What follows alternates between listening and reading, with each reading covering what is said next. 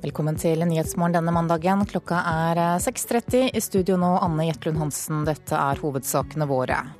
Det savnede flyet fra Air Asia med 162 personer om bord ligger trolig på havets bunn. Det sier lederen for Indonesias redningstjeneste. 281 mennesker venter på hjelp i en brennende ferje utenfor den greske øya Korfu. Og Svalbard får snart sitt eget ølbryggeri, og det blir dermed verdens nordligste. Eieren av det nye bryggeriet, Robert Johansen, er overbevist om at dette er noe å satse på. Eh, det er jo ikke tvil om at eh, det drikkes noe øl her oppe òg. Letingen etter flyet som forsvant i går utenfor Indonesia med 162 personer om bord er nå gjenopptatt. Flere andre land deltar også i søket etter flyet. Og Indonesias redningssjef sier at han tror flyet ligger på havets bunn. Karena koordinat yang diberikan kepada kita dan evaluasi dari titik perkiraan eh, Vurderinger vi har gjort tilsier at flyet må ha havnet i vannet og ikke på land, sier Bang Bang Suolistio, leder for Indonesias redningstjeneste. Siden i dag tidlig lokaltid har det på nytt vært leting etter det forsvunne flyet. Båter og fly fra Malaysia og Singapore har også bistått, og USA, India og Australia har også tilbudt sin assistanse. Redningssjefen sier at de i dag skal utvide søket videre. Bak Air Asia sine desker på flyplassen i Singapore går ting tilsynelatende videre som normalt. Nye reisende sjekker inn. Gårsdagens forsvinning har ikke skremt denne nederlandske turisten. So I heard about the crash, uh, and I texted my family and han sier han skjønner folk er redde, men han har flydd med AirAsia før og har bare god erfaring. 162 mennesker er fortsatt savnet etter at flyet forsvant i går mellom Surabaya i Indonesia og Singapore. Det var dårlig vær, og kort tid før det forsvant, ba piloten om tillatelse til å endre høyde. Dette ble avslått av flygelederne pga. annen flytrafikk i området. Hva som skjedde så, er det ingen som vet. Det eneste sikre er at den siste kontakten man hadde med flyet, var rundt midnatt natt til søndag norsk tid. I dag er været bedre. Indonesias redningssjef Suelistio tror ikke flyet har havnet på land, siden det fortsatt ikke er funnet. Reporter her var Ellen Borge Christoffersen. Redningsmannskaper jobber fortsatt med å redde ut de gjenværende 281 passasjerene som er fanget om bord i det brennende lasteskipet Norman Atlantic utenfor Korfu.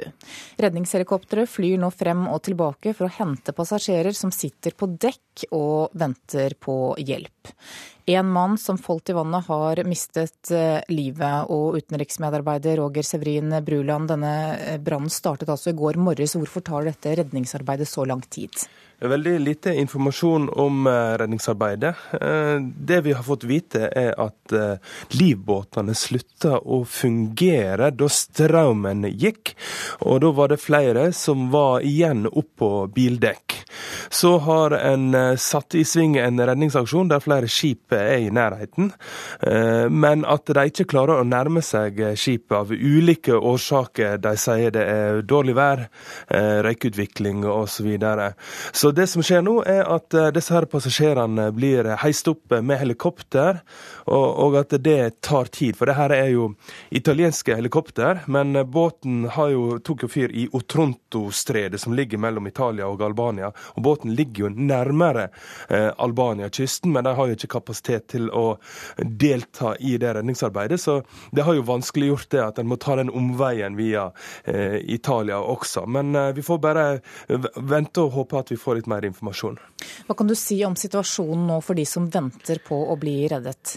Det som blir sagt, er at eh, passasjerene eh, blir røykforgifta, eh, samtidig som at de fryser på dekk. Og Nå er det firt ned helsepersonell fra disse her helikoptrene for å behandle passasjerene og, og hjelpe dem så godt en kan, mens en venter på å bli firt opp. Så folk, det folk sier, er at de, det, det brenner under føttene på dem mens de eh, da fryser. Ja, hva er grunnen til at det begynte å brenne? Ja, det her er jo ei bilferge. Eh, det sto visst tyrkiske lastebiler tett i tett. Hoveddelen av passasjerene er tyrkiske lastebilsjåfører. Og eh, det vi vet er at brannen starta på bildekk og har spredd seg, men at brannen nå er under kontroll, men at det fremdeles er sterk røykutvikling. Og så eh, driver en nå og diskuterer hvor en skal taue denne båten. Skal en taue den til Albania, som er nærmere, eller til Italia? Og det siste vi har fått høre nå, er at båten skal taues til eh, Italia. Takk skal du ha, utenriksmedarbeider Roger Severin Bruland. Da skal det handle om norsk politikk. For Fremskrittspartiets leder Siv Jensen mener representanter for både KrF og Venstre overdrev i sin kritikk av statsbudsjettet i høst. Nå ønsker hun et bedre budsjettsamarbeid til neste år. Hele budsjettdebatten handlet om veldig små, eller få ting. Mens budsjettet egentlig handlet om veldig mye mer. Vi har altså levert et eh, justisbudsjett som har fått allmenn ros fra et samlet Justis-Norge. Fordi det henger sammen, og fordi det gir kraftsatsing både til politi, til fengselsvesenet, til eh, domstolene. Eh, vi leverer jo i eh, asylpolitikken. Det har aldri vært sendt flere mennesker med ulovlig opphold ut av Norge enn under denne regjeringen, og det gikk Fremskrittspartiet til valg på. Vi har levert et godt helsebudsjett. Vi har levert et kjempestort samferdselsbudsjett. Fremskrittspartiet gikk til valg på å redusere skattene og avgiftene. Nå har vi redusert dem med 12,5 milliarder siden vi tiltrådte. Vi gikk til valg på å forenkle samfunnet. Det gjør regjeringen i stort monn. Eh, og så er det jo sånn at Mye av det arbeidet vi har igangsatt, merkes jo ikke ennå. For det er nå i, i, månedene som ligger foran oss at disse reformene virkelig vil, eh, vil inntreffe. Og da er jeg sikker på at eh, vi kommer til å få kreditt rett og slett for at vi har levert det vi sa vi skulle. Hva står i ditt julekort til KrF og Venstre etter denne budsjettrunden i høst? Jeg tror vi skal spole noen år tilbake i tid. Eh, da var det veldig få som trodde at eh, de fire partiene som nå samarbeider, ville klare å få det til. Vi utviklet eh, nærere bånd gjennom de siste årene i forrige stortingsperiode. Som dannet et veldig godt grunnlag for at de fire partiene kunne samarbeide. Og Så først og fremst sender du en stor takk? Ja, så Ingen må jo bli veldig overrasket over at det innimellom er litt støy. For det er fire partier som uh, i noen saker har veldig ulik uh, tilnærming. Vi er direkte uenige i noen spørsmål, men til gjengjeld så trekker vi i samme retning i veldig mange saker. Og tross alt så har jo regjeringen fått gjennomslag for det aller, aller meste av det vi har eh, lagt frem for Stortinget. Men det og det tyder jo på at vi har et godt samarbeid. Det tok lang tid å få det gjennom, eh, gjennom Stortinget. Da, Hva tok tid å få gjennom Stortinget? Budsjettet tok lang tid å få gjennom eh, Stortinget. Nei, det gjorde jo ikke det. Det tok et par dager ekstra i forhold til i fjor. Syns du prosessen var god med KrF og Venstre? Jeg tror ingen skal bli overrasket over at en mindretallsregjering må forhandle i Stortinget. Men nå har vi jo litt sånn, hva skal vi si, litt dårlig korttidshukommelse, kanskje. da. Det, det, vanlige i norsk politikk har jo nettopp vært forhandlinger. Så har vi hatt åtte år med en flertallsregjering hvor alle forhandlingene skjedde i lukkede rom. Uh, utenfor Stortingets korridorer. Men jeg tror ingen tror at det ikke var elleville slåsskamper mellom uh, Arbeiderpartiet, SV og Senterpartiet. Det var bare at vi hørte ikke noe om de. Eh, jeg mener det er en styrke for demokratiet at folk får se at politikk blir til. Eh, at de ser at det er allmenn, et allment forsøk på å bli enig, og det mener jeg vi lykkes med. Det var forhandlinger, og de var ekte. Tenker du at velgerne fikk et positivt inntrykk av samarbeidspartiene i den budsjettprosessen som var?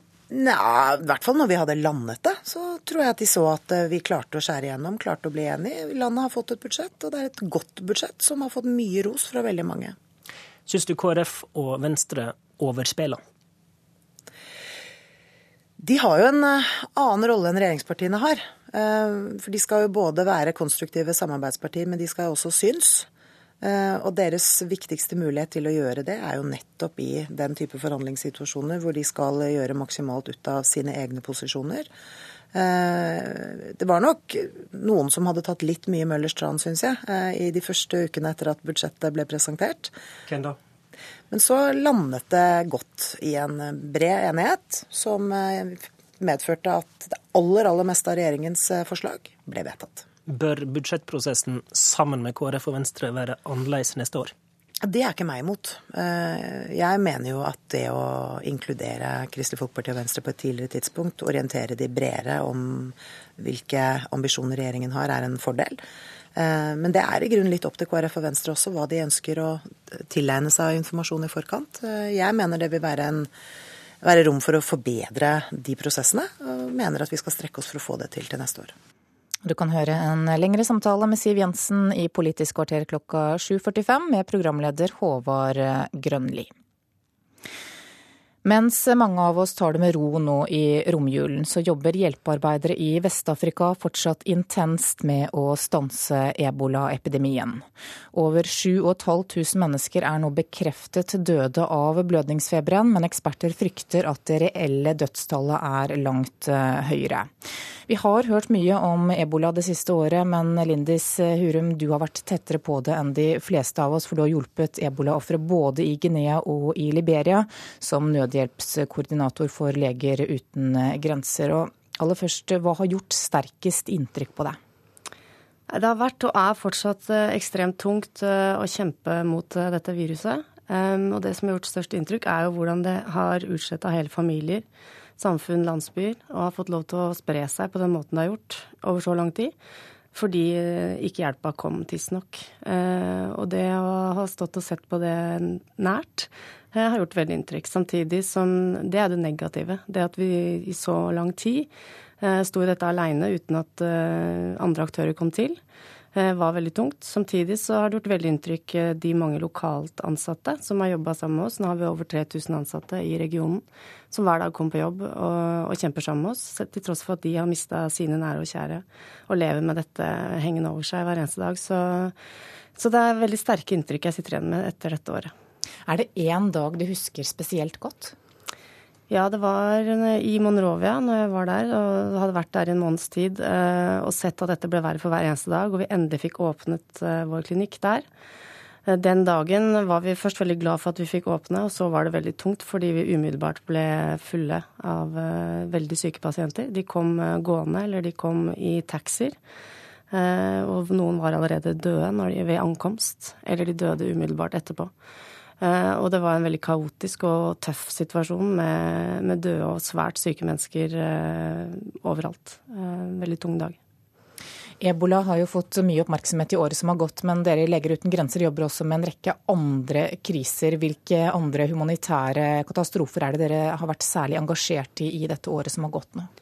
Ja, det har vært et tungt år, eh, absolutt. Så jeg startet året i Sentralafrikansk republikk eh, og husker det vel så godt som, eh, som mine måneder i ebolaepidemien. Så det har vært en tung krise for oss, og er det fortsatt. Samtidig som Sør-Sudan har også vært mange mennesker på flukt som trenger hjelp. Og disse to krisene er fortsatt ikke over. Eh, jeg jobbet på en flyplass i Bangui hvor det var 100 000 internt fordrevne. Det bor fortsatt 20 000 der. Eh, og det er eh, enorme humanitære behov både i Sentralafrikansk republikk og Sør-Sudan. Det er viktig å ikke glemme dette midt oppi alle de andre krisene. Jeg vet det er mange kriser, men, men disse to landene har ofte blitt glemt før. Og jeg håper at de, det ikke skjer nå igjen. Ja, hvordan påvirker det eh, dere å jobbe med alle disse krisene som ikke har fått så mye oppmerksomhet? Det er spesielt tøft for oss. Vi har aldri hatt så mange mennesker eh, ute i, i felt eh, og arbeida. Så, så, vi gjør absolutt det vi kan, og vi står klare for 2015. Men men eh, det er klart vi trenger både flere hjelpearbeidere, og vi trenger mer ressurser, vi trenger flere penger, og vi trenger mer oppmerksomhet rundt disse krisene nå framover. Ja, hvordan er verdenssamfunnet rusta til å håndtere så mange parallelle kriser? Nei, Det viser seg at det er vært eh, og er eh, vanskelig. Vi har jo sett at Verdens helseorganisasjon ikke har vært godt nok rusta til å ta en så stor helsekrise. Nå har vi flere nivå tre-kriser, som det heter, i verden, og FN-organisasjonene er heller ikke rusta til, til, å stå imot eh, det, det presset man kan si, da, på så mange mennesker som trenger hjelp samtidig. Eh, vi trenger vel en, en reform. Vi trenger at eh, det blir mer effektivt. Ikke så byråkratisk. Vi ser at flere må, må komme til raskere og komme nærmere de som trenger hjelp. Jeg har jo sett i mine oppdrag at det er ofte langt mellom planene som legges på kontorer og det som faktisk gjøres ute, ute i felten. Så vi i Leger uten grenser trenger all den hjelpa vi kan få fra så mange aktører som mulig. Så vi håper at 2015 er det flere som vil ta i et tak og, og stå på sammen med oss. Da sier jeg lykke til og takk for at du kom til Nyhetsmorgen, Lindis Hurum. Skal vi se hva avisene har på forsidene sine i dag. Det savnede flyet fra Air Asia er hovedoppslaget i Aftenposten. Lederen i Norsk Flygerforbunds sikkerhetskomité mener at flyet kan ha vært utsatt for ising. Og de pårørende til de 162 om bord håper altså nå på et mirakel. Stavanger Aftenblad har et stort bilde av DNB-sjef Rune Bjerke på forsiden sin i dag, ledsaget av spørsmålet blir han ny Statoil-sjef. Letingen etter en ny sjef til oljeselskapet har pågått siden oktober, og mange mener nå at Bjerke kommer til å ta over, ifølge avisen. Dagsavisen skriver at kommunalminister Jan Tore Sanner vil ha færre kommuner rundt de store byene mens eh, Anne Enger advarer mot folkeavstemninger når det gjelder kommunesammenslåinger. 64% av innbyggerne her i landet mener at sammenslåinger bør avgjøres gjennom folkeavstemninger, men Enger advarer i Klassekampen i dag mot å la folk få sette grensene selv. Det er en flom av boligkrangler i retten, det skriver Finansavisen i dag. Hvert femte boligsalg ender i konflikt. Dagbladet skriver at justisministeren vil gi politiet mer makt over mobilnettet. Forslaget er nå ute på høring. Homofilidebatten har ikke svekket Den norske kirkes omdømme, skriver Vårt Land. I april stemte Kirkemøtet nei til forslaget om å utarbeide en egen vigselsliturgi for likekjønnede par, men nesten dobbelt så mange har meldt seg ut av kirken i år som i fjor.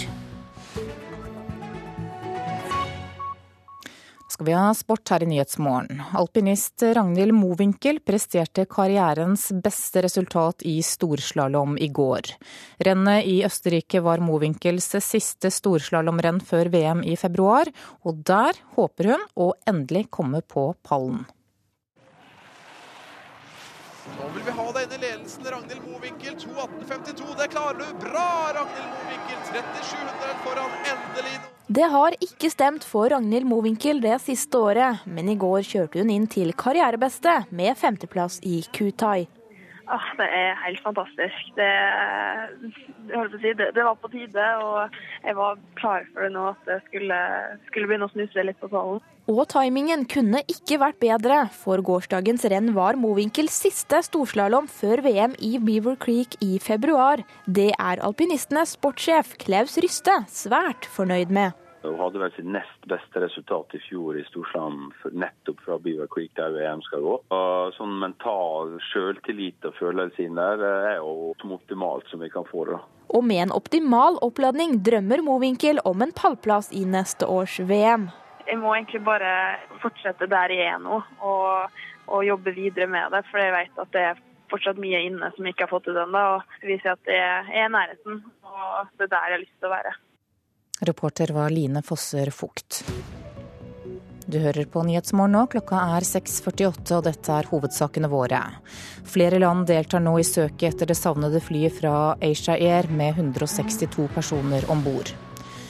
281 mennesker venter på hjelp i en brennende ferje utenfor den greske øya Korfu. Og filmen The Interview spilte inn mer enn én million dollar i løpet av premieredøgnet, men det er ikke klart når du kan se den på kino her i Norge. Nå skal vi til Svalbard, for der åpner verdens nordligste ølbryggeri snart. Det var lenge forbudt å brygge øl på Svalbard, men i sommer så endret politikerne loven. Og eieren av det nye bryggeriet, Robert Johansson, har tatt oss med i lokalene i Longyearbyen. Her er jo det, det kommende bryggeriet. Her er det jo snø foran døra. Altså. ja. ja. Vi blir vel ikke å sette i gang her før i, i begynnelsen av januar. Da, er det, da hiver vi oss til med, med å lage gulv inni her. Og, og, og vi regner og skal være med operativt her i, i eh, mars-april. Ja, her er vi inne i et ganske tomt og, og stort lokale. Vi kan jo bare høre ekkoet. Hallo! Ja. Robert Johansen, du har til sammen bodd 26 år på Svalbard. Hvordan kom du på ideen at du skulle stå som eier av et bryggeri? Ja, Det må jeg si at det, det, det kom jo bare snikende her. For eh, jeg begynte å få, få interessen for å, å brygge øl.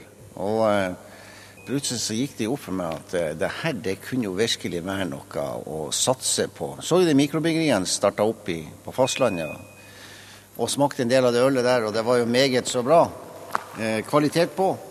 Og så slo det meg at det, det har vel jaggu vært noe å satse på på Svalbard. For Eh, det er jo ikke tvil om at det, det drikkes noe øl her oppe òg. Men det var jo ikke lov å brygge øl her? Nei, det oppdaga man jo etter hvert. at eh, Som regel så er det en del eh, problemer man dukker opp. på. her var det jo et ganske kraftig problem med at det var i utgangspunktet ikke lov. For nærmere seks år siden nå så, så søkte da departementet om å få uh, oppheva loven. Det skjedde at det tok fem og et halvt år. Nå i juli Eh, i år ble loven oppheva, og norsk lov gjelder når det gjelder. Så får lov å tilvirke alkohol her oppe på Svalbard nå. Men å starte et uh, bryggeri, det er ikke gratis. Uh, her er det snakk om mange millioner.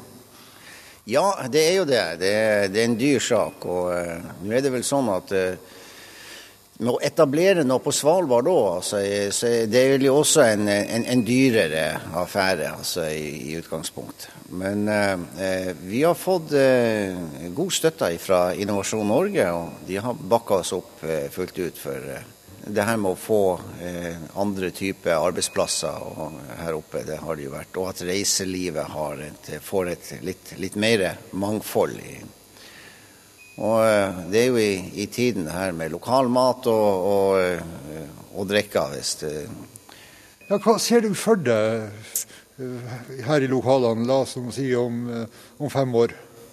Ja, Om fem år så er det en, har vi et mål om å ha en produksjon på en ja, 300 000-400 000 liter. At vi kan bli, få en 15-16 ansatte her etter hvert. Det kan, kan det bli. Utstyret er bestilt, og, og eh, arbeid og entreprenørene her har eh, tidsplan å gå etter. sånn at eh, Vi begynner nå i januar og skal være ferdig ut i mars med lokalitetene her. og Da eh, skal bryggeriet være på plass. Reporter var Lars Egil Mogård. Til tross for at filmen The Interview spilte inn mer enn én million dollar i løpet av premieredøgnet, så er det usikkert når nordmenn får se filmen på kino. Det sier den norske filmdistributøren.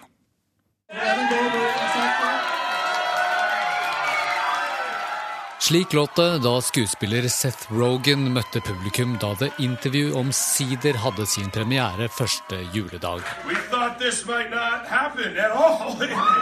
På tross av nordkoreansk krigsretorikk og terrortrusler fra anonyme hackere, valgte Sony likevel å la filmen bli vist på et svært begrenset antall kinoer i USA. Likevel er det usikkert når vi får se det intervju på kino i Norge. Foreløpig er beskjedene vi har fra Sony at filmen er utsatt for Norge. Det sier Simen Rognerud i filmdistribusjonsselskapet UiP Norge inntil vi får mer informasjon, så kan vi ikke si noe annet enn det. Yes. Opprinnelig skulle filmen hatt premiere på rundt 100 norske kinoer den 23. januar. Nå har filmen allerede hatt sin kinopremiere i USA, og dessuten er den tilgjengelig på en rekke strømmingstjenester. Likevel er det lite den norske kinodistributøren kan gjøre enn å vente. Så langt så ser vi på ny utvidelsesdato senere på året. Men vi har ikke noe 100 avklart ennå. Fra USA kommer det nå bilder av folk som har kledd seg i amerikanske flagg og symboler før de skal se filmen. Rognerud tror ikke vi får lignende markeringer i Norge, men utelukker ikke at en del vil se filmen fordi de er blitt nysgjerrige. Det kan jo godt hende at eh, flere er interesserte og ønsker å se filmen nå som det har vært såpass mye oppmerksomhet rundt den. Det skal man ikke se bort fra, men, men kjernepublikummet vil være det samme. Reporter var Petter Sommer. Så skal vi til Trondheim, der det blir laget olabukser eller jeans. Og det skjer altså i det landet i verden der det er dyrest å drive nettopp slik produksjon i. Her har du favorittmaskina mi. Den sto, på, sto i Ørsta på, på 50-tallet og sydde klær. Livid Jeans midt i Trondheim sentrum er butikk og produksjonslokale samtidig. Her er estetikken og tradisjon mer enn et luftig poeng, mener mannen bak Jens Olav Dankertsen. Um, jeg uh, eh, starta vel å begynne å sy, sy jeans, og uh, likte det så godt at det, uh, jeg ville vise litt mer den verdien bak det. og bak det konvensjonelle håndverket. da, Og ville lage den første jeansfabrikken i Norge. Det var flere folk som sa til meg at dette her kommer ikke til å gå. Det er ingen økonomisk verdi i det der. Og det kanskje trigga meg enda mer, da. Så det er den første knapphullsmaskinen som lagde eh, nøkkelknapphull. Så det vil si knapphull som er runde i toppen. da. Så her roterer det vanvittig sånn finmekanikk. Det som gjør våre jeans spesielle, er jo at det er en eh, veldig lite automatisert produksjon. Eh, I den form av at det, her bruker vi hendene våre, så det gir en åpning for menneskelig søm. Eh, I den form av at du skal kunne se at det, det, skal, det er sydd på hånd. Alle våre stoffer er, er vevd på en gammel maskin som heter Toyota. Som var Toyota som eh, laga. Og det er liksom den gamle, tradisjonelle, smale vevstolen som lagde Selvage Denim på tidlig 1900-tallet i Japan. Eh, og i USA så bruker vi deres sin eh, narrow loom-vev, eh, som heter Draper loom. Eh, og det er disse her vevene som har vevd helt tilbake til seint 1800-tallet og fortsatt står og vever på gamle tregulv for å holde For de trenger rytmen for å fungere. Eh, og det er vanvittig kult. Eh, ja, det finnes definitivt et marked for det. Og så er det egentlig, hvis du ser på premiummarkedet og high end-markedet for jeans, så ligger våre jeans eh, en del lavere. Mm. Og sammen med det som vi har på det vi lager i Norge, så er det veldig bra, bra pris. For det er faktisk de beste kvalitetene du finner i, i verden. Og de er håndsydd i verdens dyreste land å produsere i. Hva er fremtidsplanene? Ekspandere produksjonen i Norge, definitivt. Eh, også ekspandere produksjonen vi har ute i EU. Reporter var Lars Erik Skjærseth. Da skal vi se på et værvarsel som gjelder til midnatt. Fjellet i Sør-Norge kan vente seg nordvestlig stiv kuling utsatte steder. Snø mest i vestlige fjellstrøk og lettere vær i kveld. Østlandet og Telemark for det meste skyet. Litt snø vesentlig nord for Oslo og noe lettere vær i kveld. Agder på kysten vest for Lindesnes periodevis liten kuling, skyet eller delvis skyet og stort sett eh, opphold. Rogaland og Hordaland nordvestlig periodevis liten kuling på kysten. I kveld vestlig bris nord for Boknafjorden. Snø og sludd, etter hvert regn i ytre lavereliggende strøk. Sogn og Fjordane nordvestlig liten kuling på kysten. I ettermiddag vestlig frisk bris. I kveld sørvestlig stiv kuling ved Stad. Snø og sludd, etter hvert regn i ytre lavereliggende strøk. Møre og Romsdal og Trøndelag vestlig periodevis liten kuling på kysten. I kveld sørvestlig sterk kuling. Snø og sludd, etter hvert regn i lavereliggende strøk. Nordland snø, etter hvert overgang til sludd og regn i sør og i lavlandet. Troms sørvestlig stiv kuling utsatte steder. I morgentimene kortvarig sterk kuling på kysten. Fra i ettermiddag vestlig frisk bris. Liten kuling i nord. Snøbyger og sludd ytterst på kysten. Vest-Finnmark med vidda, økning til sørlig sterk kuling utsatte steder. I kveld dreining til vestlig liten kuling. På vidda sørlig frisk bris og litt eh, snø. Øst-Finnmark sørlig stiv kuling utsatte steder. Fra i formiddag liten storm, og fra i ettermiddag litt snø. Og på Nordensjøland på Spitsbergen er det ventet sørøstlig stiv kuling utsatte steder. I formiddag minkende til østlig frisk bris og litt snø av og til. Så tar vi med temperaturene som ble målt klokka fire. Da hadde Svalbard lufthavn minus sju grader, Kirkenes minus 22, Vardø minus ni, Alta minus 17, Tromsø minus tre, Bodø minus to, Brønnøysund null, Trondheim minus én. Molde 2, Bergen og Stavanger 0, Kristiansand minus 6, Gardermoen minus 3, Lillehammer minus elleve, Røros minus 10 og Oslo minus ni.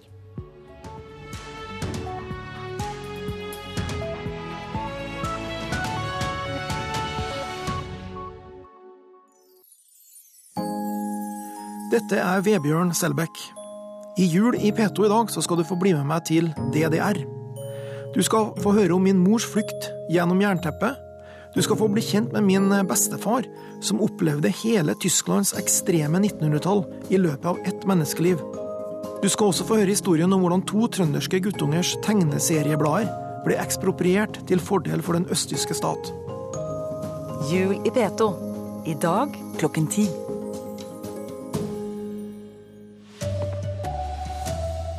«224 passasjerer er fortsatt fanget på den brennende fergen i Middelhavet. Indonesiske myndigheter tror det savnede AirAsia-flyet har styrtet i havet. Her er NRK Dagsnytt klokken sju.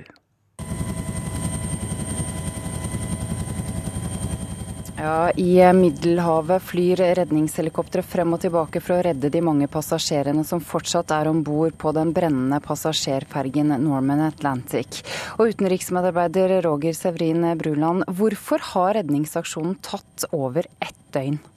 Det blir sagt at det var veldig høye bølger. Eh, samtidig så var det sterk røykutvikling og at en sleit med å få kontroll over ferga som da hadde mista motorkrafta, så først måtte de få en tauebåt for å holde den båten i ro. Eh, likevel så har en da brukt helikopter for å få ut passasjerene som står og venter på dekk, mens det brenner bokstavelig talt under beina på dem, og de fryser også for det at eh, en bruker jo vannkanoner for å slokke denne brannen, og det spyler jo over også folk som står på dekk og venter på å bli redda. Vet vi noe om eh, hvorfor det begynte å brenne på denne passasjerfergen? Vi vet eh, veldig lite om brannårsaker, det er lite informasjon enda. Eh, men det blir sagt at det var ned på bildekk, kanskje i en lastebil, at brannen starta. Og så har den da spredd seg utover i båten, men at den nå har fått kontroll over den brannen. Takk til deg så langt, utenriksmedarbeider Roger Sevrin Bruland. Den indonesiske redningstjenesten tror flyet som forsvant i går, har styrtet i havet. 162 mennesker er savnet etter at flyet ble borte fra radaren på ruten mellom Indonesia og Singapore.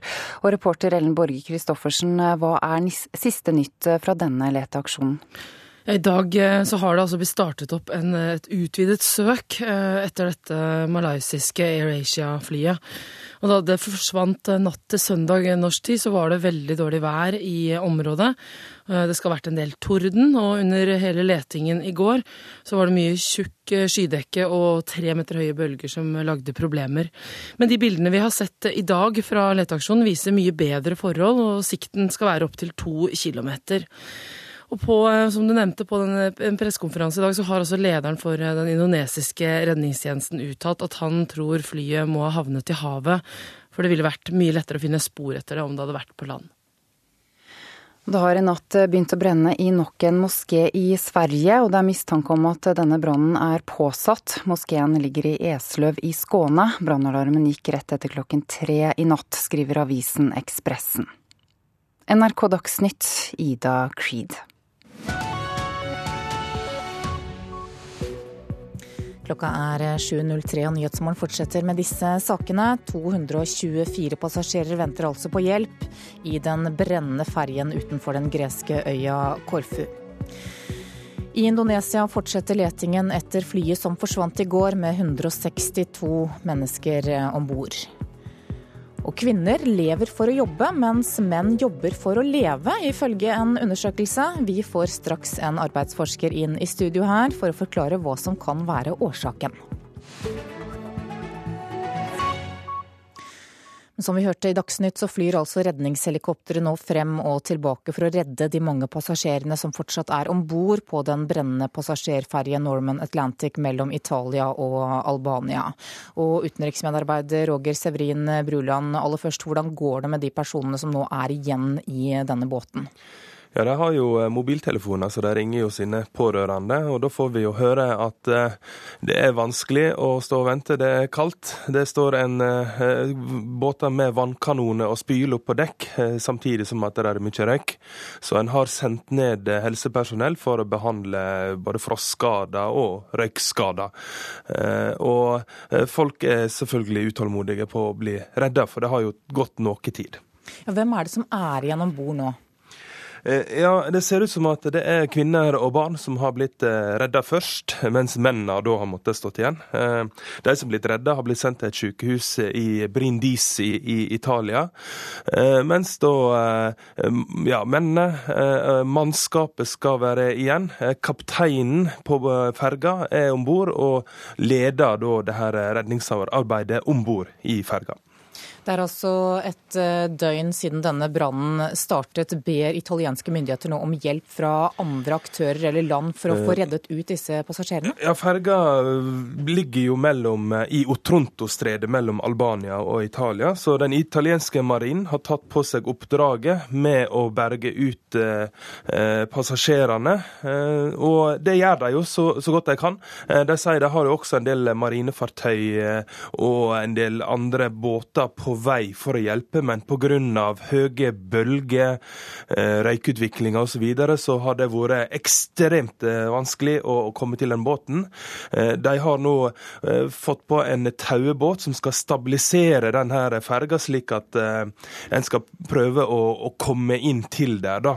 Men det som har vist seg, er at det er helikopter som har fungert best, og da må en ta én for én, og det tar tid. Og Ferjen skal altså slepes inn til Italia. Hvorfor det? Ja, Nå ligger ferga nærmest eh, Albania-kysten, men eh, av ulike årsaker. Eh, det blir bare spekulasjoner, men at Albania sikkert ikke har det infrastrukturen som skal til for både sykehus og, og andre ting. At italienske marin har bare bestemt at vi tar alle passasjerene og ferga, alt skal inn til Italia kan vi ta med det at det er én person som har mistet livet så langt. Utenriksmedarbeider Roger Severin Bruland, takk for at du kom hit til Nyhetsmorgen.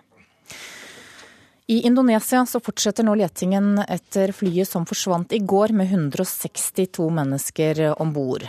Flere andre land deltar også i dette søket, og Indonesias redningssjef tror at flyet nå ligger på havets bunn karena koordinat yang diberikan kepada kita dan evaluasi dari titik perkiraan uh, Vurderinger vi har gjort tilsier at flyet må ha havnet i vannet og ikke på land, sier Bang Bang Suolistio, leder for Indonesias redningstjeneste. Siden i dag tidlig lokaltid har det på nytt vært leting etter det forsvunne flyet. Båter og fly fra Malaysia og Singapore har også bistått, og USA, India og Australia har også tilbudt sin assistanse. Redningssjefen sier at de i dag skal utvide søket videre. Bak Air Asia sine desker på flyplassen i Singapore går ting tilsynelatende videre som normalt. Nye reisende sjekker inn. Gårsdagens forsvinning har ikke skremt denne nederlandske turisten. So I heard about the crash, uh, and I texted my family and han sier han skjønner folk er redde, men han har flydd med AirAsia før og har bare god erfaring. 162 mennesker er fortsatt savnet etter at flyet forsvant i går mellom Surabaya i Indonesia og Singapore. Det var dårlig vær, og kort tid før det forsvant, ba piloten om tillatelse til å endre høyde. Dette ble avslått av flygelederne pga. Av annen flytrafikk i området. Hva som skjedde så, er det ingen som vet. Det eneste sikre er at den siste kontakten man hadde med flyet, var rundt midnatt natt til søndag norsk tid. I dag er været bedre. Indonesias redningssjef Suelistio tror ikke flyet har havnet på land, siden det fortsatt ikke er funnet.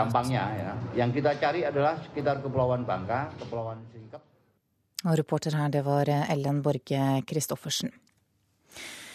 Kvinner lever mye mer for jobben enn det menn gjør, det viser data fra Arbeidslivsbarometeret. Kvinner oppgir at arbeidsplassen er et sted der de kan utvikle seg og utfolde seg, mens mennene sier at de i større grad jobber for å skaffe penger til fritid og familie. Først og fremst jobber jeg for å leve, men jeg lever også litt for jobben. Jeg jobber for å leve. Jeg jobber for å leve. Jeg lever for å jobbe. Det er lunsj ved Psykologisk institutt på Universitetet i Oslo. Bildet her stemmer omtrentlig overens med det som går frem av arbeidslivsbarometeret som Arbeidsforskningsinstituttet har laget for IS. Jeg kjenner igjen meg, at jeg bruker arbeidsplassen på personlig vekst og utvikling og en arena. Ja, så for meg er det spot on. Forskerne har spurt nesten 3000 mennesker om hva jobben betyr for dem, og bedt folk om å plassere seg langs en linje der den ene påstanden er. Min jobb er først og fremst et middel til å tjene penger. Innholdet i tilværelsen ligger i familie og fritid. Og påstand nummer to er Min jobb er ikke bare et middel til å tjene penger, men like mye en arena for utvikling og utfoldelse. 23% av kvinnene sier seg helt enig i det siste, mens tallet for menn er 13. For den andre påstanden, den om at innholdet i tilværelsen ligger i familie og fritid, er mennene i flertall. Altså, det kan jo kanskje virke overraskende. Katrine Egeland er forskningssjef ved Arbeidsforskningsinstituttet. Men for meg er ikke dette så veldig overraskende. Hun har tre forklaringer på at kvinner sier de lever for jobben, mens menn sier de jobber for å tjene penger til familien. Det er snakk om at vi i vårt samfunn har en, en fremdeles eh, høyst levende mannlig forsørgernorm. Jeg tror det viser med all tydelighet at vi, vi, lever i et samfunn med et kjønnsdelt eh, arbeidsmarked, hvor kvinner ofte befinner seg i jobber hvor de eh, skal forholde seg til andre mennesker. Og jeg tror at det henger sammen med kulturelle forventninger til hva menn og kvinner eh, nettopp skal sette pris på og kunne si da, når de blir spurt om hva som betyr mest pengene eller livet. Tilbake ved lunsjbordet gir forskerens siste forklaring gjenklang er det da en forventning om eh, det å være en moderne kvinne og en moderne menn. Da. Så liksom at menn skal Hvis vi bare sier at det er karriere som er viktig, og som skal jobbe mest mulig og sånne ting, at det, det stemmer ikke med det bildet vi vil gi. da. Samme og motsatt med kvinner. Jeg stilte spørsmål om kvinnene har svart det fordi de føler de må. At kvinnene er nødt til å svare at de er på jakt etter en karriere. At det er mer et krav i dag. Det er ikke lov å være husmor lenger. Og reporter her, det var Julia Loge og Fredrik eh, Lauritzen. Forsker Anne Grete Solberg ved Arbeidsforskningsinstituttet, velkommen til Nyhetsmorgen. Takk skal du ha. Du har også ditt eget selskap som kjører karriereutviklingsprogram for eh, nettopp eh, kvinner. Og aller først, hva syns du om resultatet av denne undersøkelsen? Jeg syns det er veldig interessant og morsomt, fordi det stikker virkelig hull på myten om at kvinner vil være mest hjemme og minst på jobben, og at menn vil være mest på jobben og minst hjemme. Samtidig skal vi være veldig forsiktige med å kategorisere kvinner og menn i to ulike grupper. For det vi ser som forskere, er jo at den interne forskjellen mellom kvinner som gruppe er mye større, og mellom menn som gruppe eh, er jo mye større enn de forskjellene som faktisk er mellom kvinner og menn. Så det er litt eh, Vi må ta noen reservasjoner når vi gjør sånne enkle inndelinger i samfunnet vårt i dag. Men du, Hvorfor svarer kvinner at de er mindre opptatt enn menn av å tjene penger? Jeg tenker Det kjedelige svaret på det er jo nettopp som vi hørte i innslaget her også, at eh, kvinner har ikke det forsørgeransvaret på seg i eh, det daglige. De er ikke så opptatt av eh, å kunne tjene penger, for de har ikke de forventningene til seg, verken fra familie eller andre. Men det morsomme svaret er jo hvordan kan vi Eller morsomme spørsmålet er jo heller hvordan kan vi få kvinner til å tjene mer penger? Eh, og det er jo et legitimt spørsmål, for det er jo 87% bare som kvinner tjener av menns lønn når vi tar og kontrollerer for studietype bransje, og sånne ting. Og jeg tenker det mer morsomme svaret på det er jo rett og slett at kvinner eh, kanskje må motiveres, eller motivere seg selv, til å ta større lederansvar. For lederansvar er jo ofte da forbundet med eh, penger. Men det er klart, lederansvar er kanskje ikke uten videre forbundet med å ha, kunne utfolde seg og utvikle seg på en positiv måte på jobben.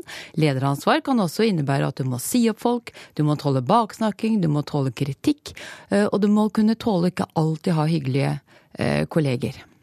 Men hva får disse ulike verdiene da for å, si for eh, å si for arbeidslivet? At eh, kvinner og menn har litt forskjellig innstilling til dette med å tjene penger? Jeg tenker det kan være flere ting det kan påvirke på. Um, altså dersom det er sånn da, at vi vet at kvinner ikke inntar topplederstillinger f.eks. i norsk næringsliv, så kan jo det tyde på at den indre motivasjonen som det er å skulle ha en jobb som gir høy livskvalitet og utvikle seg, utfolde seg, ikke er nok. Kanskje må man også være mer opptatt av ytre motivasjon i form av penger, makt, påvirkning, eh, titler, eh, høy status og sånne ting. Eh, det kan jo også være sånn at vi ser jo at det er jo en viss bevegelse i at kvinner kommer mer og mer inn på lederstillinger også. At kanskje ser vi at denne undersøkelsen nettopp er en dreining til at vi får mer fokus på kanskje etikk og livskvalitet og sånne ting. En tredje ting kan jo være at denne undersøkelsen viser at det er ikke så lett å inndele altså eh, arbeidstakere i kvinner og menn. Jeg var på en sexologikonferanse her i Milano for en stund siden, og der var det noen som påstod at eh, kvinner og menn er på én skala når det gjelder biologi og fysiologi. Det er liksom kvinner på den ene sida, menn på den andre. Altså en flytende skala. Og noe av det samme ser vi innenfor sosialpsykologi eh, også. Eh, hvor mange kvinner blir skåret som maskuline, og menn som feminine eller androgyne. Så her kan det være flytende ting. Og kanskje det er det undersøkelsen viser. Anne Grete Solberg, takk for at du kom hit til Nyhetsmorgen. Det har klokka blitt 7.15, og dette er hovedsakene våre. 224 passasjerer venter fortsatt på hjelp i den brennende ferjen utenfor den greske øya Korfu, ett døgn etter at brannen startet. Det savnede flyet fra Air Asia med 162 personer om bord ligger trolig på havets bunn. Det sier lederen for Indonesias redningstjeneste. Og som vi hørte, kvinner lever mye mer for jobben enn det menn gjør. Nå skal det handle om en konflikt som har fått mye oppmerksomhet det siste året, nemlig konflikt, konflikten mellom Ukraina og Russland. Nesten 5000 mennesker har mistet livet som følge av kamper mellom prorussiske separatister og regjeringsstyrker, og vi skal oppsummere litt nå og se litt eh, inn i glasskulen videre. Aller først Moskva-korrespondent Morten Jentoft. Partene møttes til forhandlinger på julaften, men etter det så har det vært ganske stille. Hva skjer i konflikten akkurat nå? Ja, Det konkrete som kom ut av de forhandlingene, var jo at man fikk en ny fangeutveksling eh, mellom separatistene og regjeringsstyrkene, som gjorde at eh, hundrevis av folk som har vært holdt fanget, da kunne vende tilbake til sine hjem nå i, i romjulen. Eh, eh, og Det viktigste ellers var nok at disse forhandlingene, til tross for en ganske eh, tøff oppkjøring, fant sted. I dag så går den tyske utenriksministeren Frank-Walter Steinmeier ut på sine hjemmesider og oppfordrer partene til, i, det, i, det i, sterke ordelag til å komme tilbake til forhandlingsbordet. Det sier alle at de vil gjøre, men foreløpig er det ikke satt noe konkret data, dato for når disse forhandlingene kan, kan komme i gang igjen. Sånn at eh, akkurat det er eh, i det blå eh, i dag. Seniorforsker Tore Bukkvold, Forsvarets forskningsinstitutt. Du er med meg i studio nå. Du har besøkt studioene våre ganske ofte det siste året for å snakke om nettopp Ukraina og Russland. Dersom du ser et år tilbake, hadde du da en anelse om at det skulle gå som det gikk, og at vi skulle få en ny krig sørøst i Europa? Nei. Det fremdeles veldig vanskelig å, for meg å nesten å tro på at det har skjedd, men det har jo skjedd. Eh, I etterpåklokskapens navn så kunne man kanskje se tegn, men det er sånn bestandig du ser i ettertid. Jeg så ikke at vi ville få en, en krig mellom Russland og Ukraina, og veldig, veldig få gjorde det på forhånd. Det var, det var rett og slett nesten, om ikke utenkelig, så i hvert fall veldig vanskelig å se for seg. Hvorfor det? Fordi at det er og Det er mulig at det virker naivt, men det var for at det var to land som er så nære hverandre. To folk som eh, på mange vis er veldig like, og som har hatt et veldig godt forhold til hverandre. Altså Meningsmålinga i Ukraina bare i februar i år visste jo at 70% av ukrainerne hadde et veldig godt forhold til Russland og til russiske folk. Eh, og at det skulle forandre seg så fort, og eh, at det skulle bli en krig der det her, var, var vanskelig å forstå.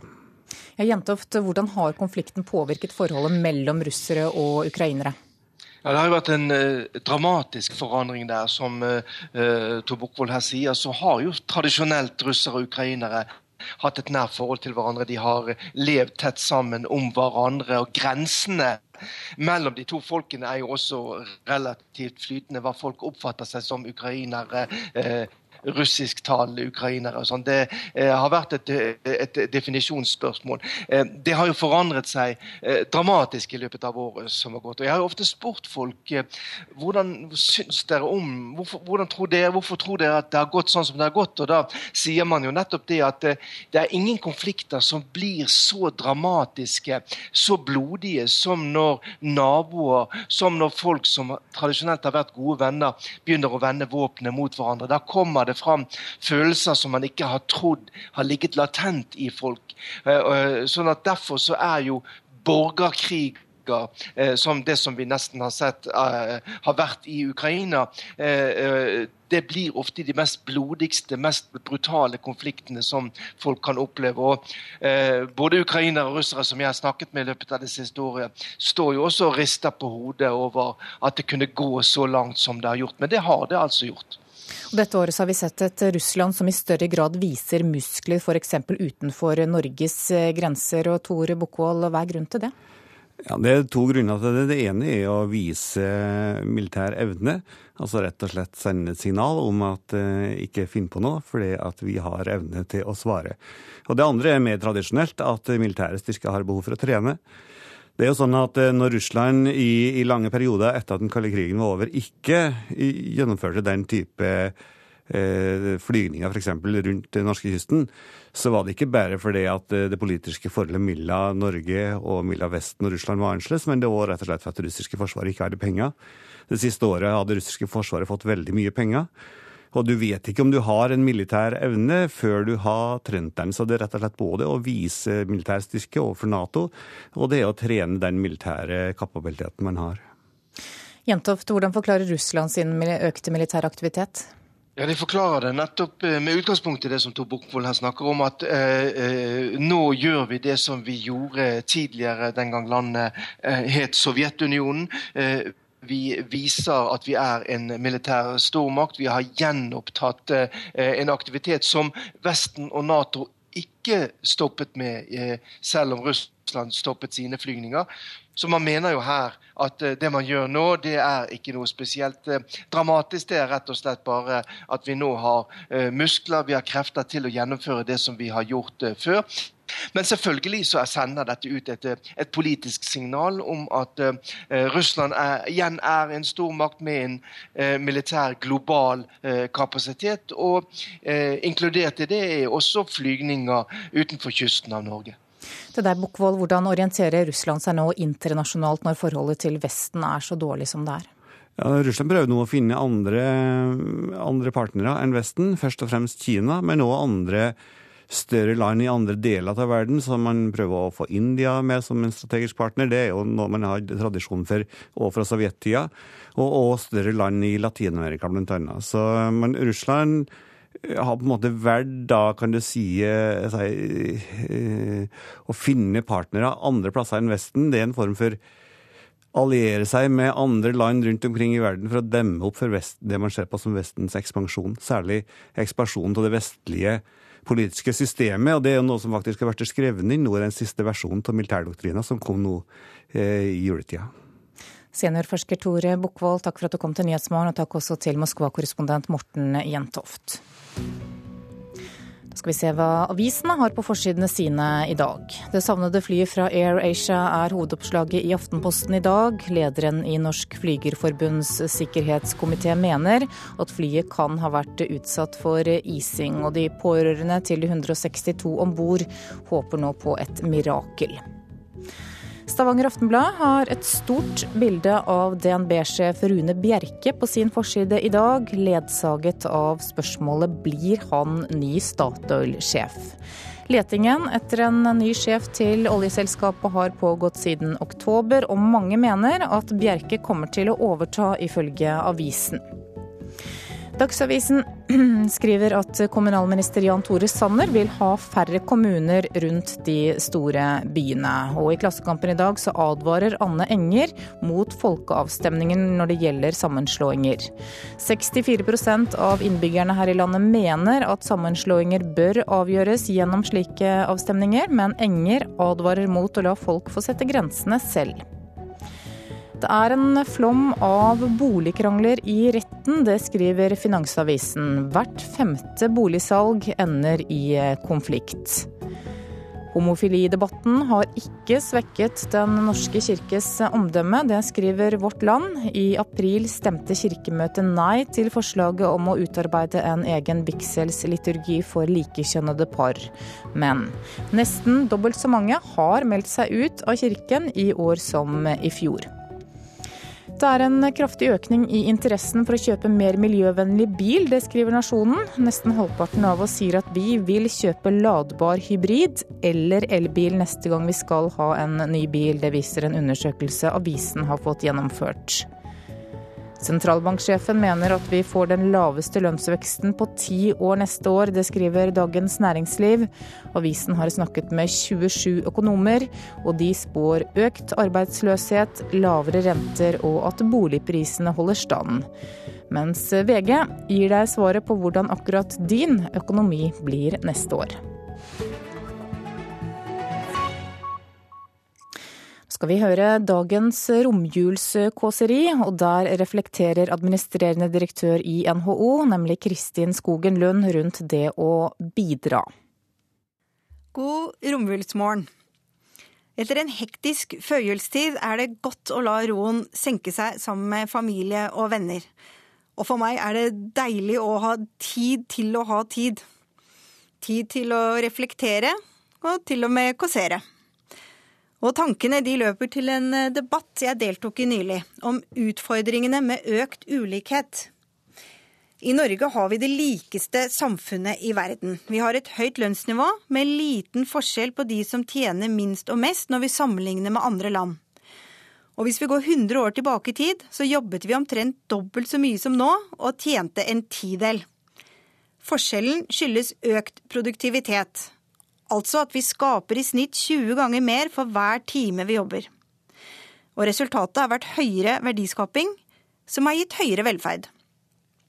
Og det er på mange måter arbeidslivets egne hellige tre konger, arbeidsgiver, arbeidstaker og stat, som har skjenket Norge små forskjeller gjennom et inkluderende arbeidsliv og et velferdssystem som fordeler de verdiene som skapes. Men medaljens bakside er at vi har et stort frafall i norsk skole, samtidig som produktiviteten er blitt så høy at mange faller utenfor arbeidslivet. Mangelen på kompetanse hos deler av ungdommen er det kritiske, ikke dårlig helse eller diskriminering, sier Nav. Vi har skapt en likhet hvor ikke alle passer inn. Og et viktig spørsmål blir da hvordan vi kan la flere ta del i arbeidslivet. Og svaret er kompetanse. Vi trenger flere alternativ til teoritunge skoleløp. Flest mulig må få bygge kunnskap og ferdigheter, fra tidlig læring i barnehage, gjennom utdanning og ikke minst i arbeidslivet. Norge har faktisk verdens mest lærende arbeidsliv. Derfor er det så viktig at flest mulig får lov til å ta del i dette læringslivet, som vi liker å kalle det. Og vi skal passe oss vel, vi som allerede er innenfor, så ikke vi beskytter våre privilegier så godt at vi stenger andre ute. Vi må alltid sørge for et inkluderende arbeidsliv, slik at alle som kan jobbe, gjør nettopp det. Men en helt annen side av saken er å anerkjenne at alle bidrag til samfunnet ikke kan måles i kroner og øre. Arbeidslivet blir en for snever målestokk for hvorvidt man bidrar. Det å bety noe, det å bety noe for noen, det å bidra, det handler om mye mer. Min mor på 88, hun fører ikke lenger timer. Men hennes innsats og hjelp ja, bare det at hun fins, det har uvurderlig verdi for oss som er rundt henne. Og som hun selv pleier å si, du vet at min mening i livet nå er at barn og barnebarn trenger meg. Og det gjør vi. Men tilbake til julen. Det er en høytid som kan være krevende for mange. Som kan gjøre skillet mellom de som er innenfor og de som står på siden, tydeligere og der mange kan føle at de har for mye tid og for få å dele sine refleksjoner med. Så la oss være enige om at vi alle kan gjøre en større innsats for å skape mindre forskjell. Og et godt sted å starte er å la alle få lov til å bety noe for noen. For som en klok person en gang sa, for verden er du kanskje bare et menneske, men for ett menneske kan du bety hele verden. Fortsatt god jul. Det sa NHO-direktør Kristin Skogen Lund. Klokka nærmer seg 7.30 og Dagsnytt. Produsent for Nyhetsmorgen i dag, det er Vidar Eidhammer. Og her i studio, Anne Jetlund Hansen.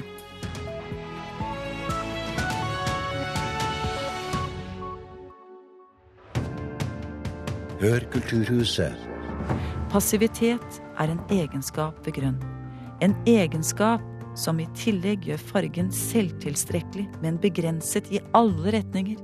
Grønt er som en feit ku, full av god helse, mens den ligger der på jordet og bare er brukelig til å kontemplere i verden gjennom dens dumme, uttrykksløse øyne. Kulturhuset, i dag klokka 13 på NRK P2.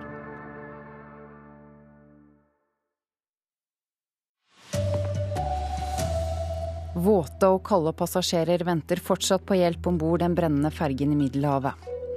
Indonesiske myndigheter tror det savnede AirAsia-flyet har styrtet i havet. Norske kvinner lever for å jobbe, mens menn jobber for å leve, ifølge en undersøkelse. Her er NRK Dagsnytt klokken 7.30. Redningshelikopter flyr eh, frem og tilbake for å redde de mange passasjerene som fortsatt er om bord på den brennende fergen Norman Atlantic mellom Italia og Albania. For kort tid siden meldte den italienske marinen at 254 mennesker er i sikkerhet, mens 224 passasjerer fortsatt venter på å bli reddet. Og utenriksmedarbeider Roger Severin Bruland, hvordan går det med disse passasjerene? Ja, Det siste nå er at et containerskip med 50 passasjerer er på vei inn til havnebyen Bari. Eh, de vil sikkert kunne fortelle litt mer om denne dramatiske brannen i Otronto-stredet, som ligger da mellom Italia og eh, Albania. Men det vi har fått vite, er at det er svært vanskelige forhold for disse her passasjerene. De venter på å bli redda på dekk av denne eh, brennende ferga. Selv om brannen er under kontroll, så klarer ikke andre skip å komme til med småbåter, og en er nødt til å redde disse passasjerene ut med helikopter. De sier at det er vanskelig å puste fordi det er mye røyk. Eh, det er varmt, føttene brenner. Samtidig så er det kaldt fordi at det er dårlig vær, og at skip i området driver med vannkanoner og spyler denne ferga så folk fryse.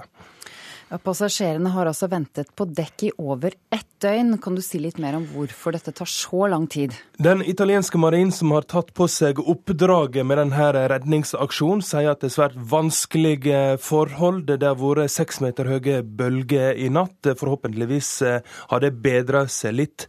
Men likevel så eh, sliter en altså med å hjelpe disse her passasjerene. Eh, det som skjedde da strømmen gikk på ferga, så slutta livbåten båtene å virke, så han har ikke fått fire av dem ned. Eh, det var jo snakk om at et ektepar hoppa på sjøen, der eh, ektemannen frøs i hjel at vannet er så kaldt, men de klarte å berge kona. Så det er ikke noe alternativ heller å, hoppe fra den ferga, så en må bare være tålmodig og vente på å bli redda. Takk til deg, utenriksmedarbeider Roger Severin Bruland, som også følger situasjonen utenfor Korfu i Hellas.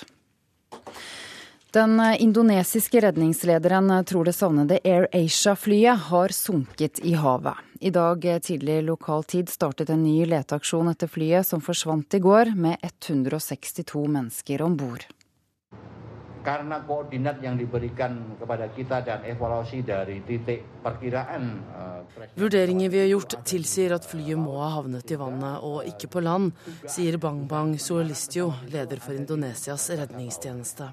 Siden i dag tidlig lokaltid har det på nytt vært leting etter det forsvunne flyet. Båter og fly fra Malaysia og Singapore har også bistått, og USA, India og Australia har også tilbudt sin assistanse. Redningssjefen sier at de i dag skal utvide søket videre.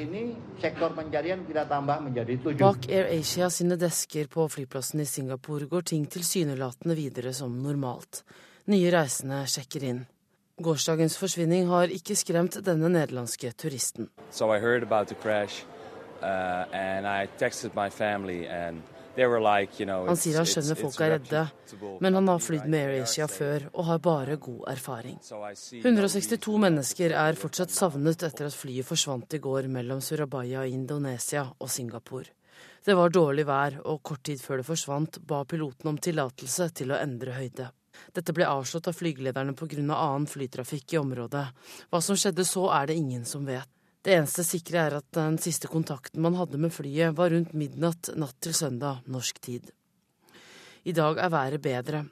Indonesias redningssjef Suelistio tror ikke flyet har havnet på land, siden det fortsatt ikke er funnet. Reporter Ellen Borge Christoffersen. Kvinner lever mye mer for jobben enn det menn gjør. For damer er arbeidsplassen en viktig arena for utvikling og utfoldelse, mens menn i større grad jobber for å tjene penger til familien. Først og fremst jobber jeg for å leve, men jeg lever også litt for jobben. Jeg jobber for å leve. Jeg jobber for å leve. Jeg lever for å jobbe. Det er lunsj ved Psykologisk institutt på Universitetet i Oslo. Bildet her stemmer omtrentlig overens med det som går frem av arbeidslivsbarometeret som Arbeidsforskningsinstituttet har laget for IS. Jeg kjenner igjen meg, at jeg bruker arbeidsplassen for personlig vekst og utvikling og en arena. Ja, så for meg er det spot on. Forskerne har bedt nesten 3000 mennesker om å plassere seg langs en linje der den ene påstanden er Min jobb er først og fremst et middel til å tjene penger. Innholdet i tilværelsen ligger i familie og fritid. Og påstand nummer to er Min jobb er ikke bare et middel til å tjene penger, men like mye en arena for utvikling og utfoldelse. 23% av kvinnene sier seg helt enig i det siste, mens tallet for menn er 13. For påstanden om at familie og fritid er viktigst, er mennene i flertall.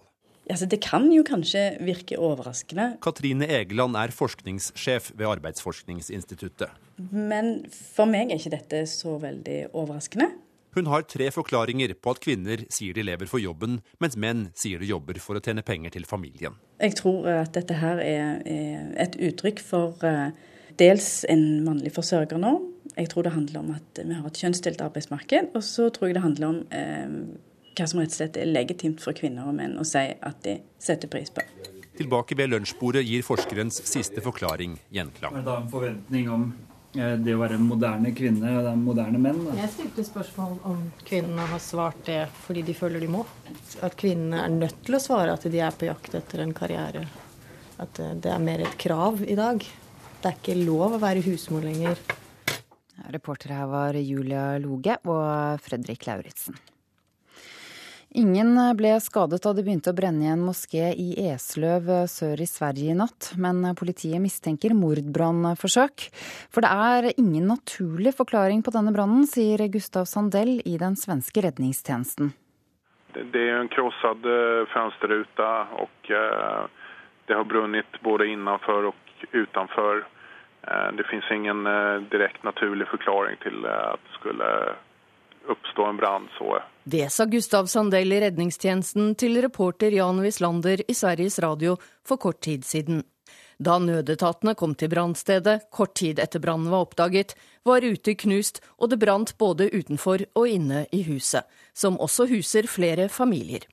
Moskeen i Esløv i Skåne syd i Sverige ligger i kjelleren i huset. Men til tross for at ingen av beboerne kom til skade, politiet mistenker mordbrannforsøk. Det sier vakthavende befal i Skånepolitiet, Marie Keismar, til Aftonbladet. Det kan iallfall ikke utelukkes, sier Gustav Sandell i redningstjenesten. Ja, Det går ikke å uteslutte. Redningstjenesten kom til moskeen etter at alarmen gikk litt over klokken tre i natt. De fikk slokket brannen ganske raskt, slik at skadeomfanget er begrenset, sier han. Det har vært flere forsøk på å brenne ned moskeer i Sverige den siste tiden. Det siste var på torsdag, og fem mennesker ble skadd i brannen da en brannstifter satte fyr på en moské i Eskilstuna. Ja, det sa reporter Hedvig Bjørgum. Frp-leder Siv Jensen ønsker et bedre budsjettsamarbeid til neste år. Hun synes representanter for KrF og Venstre overdrev i sin kritikk av statsbudsjettet i høst. De har jo en eh, annen rolle enn regjeringspartiene har.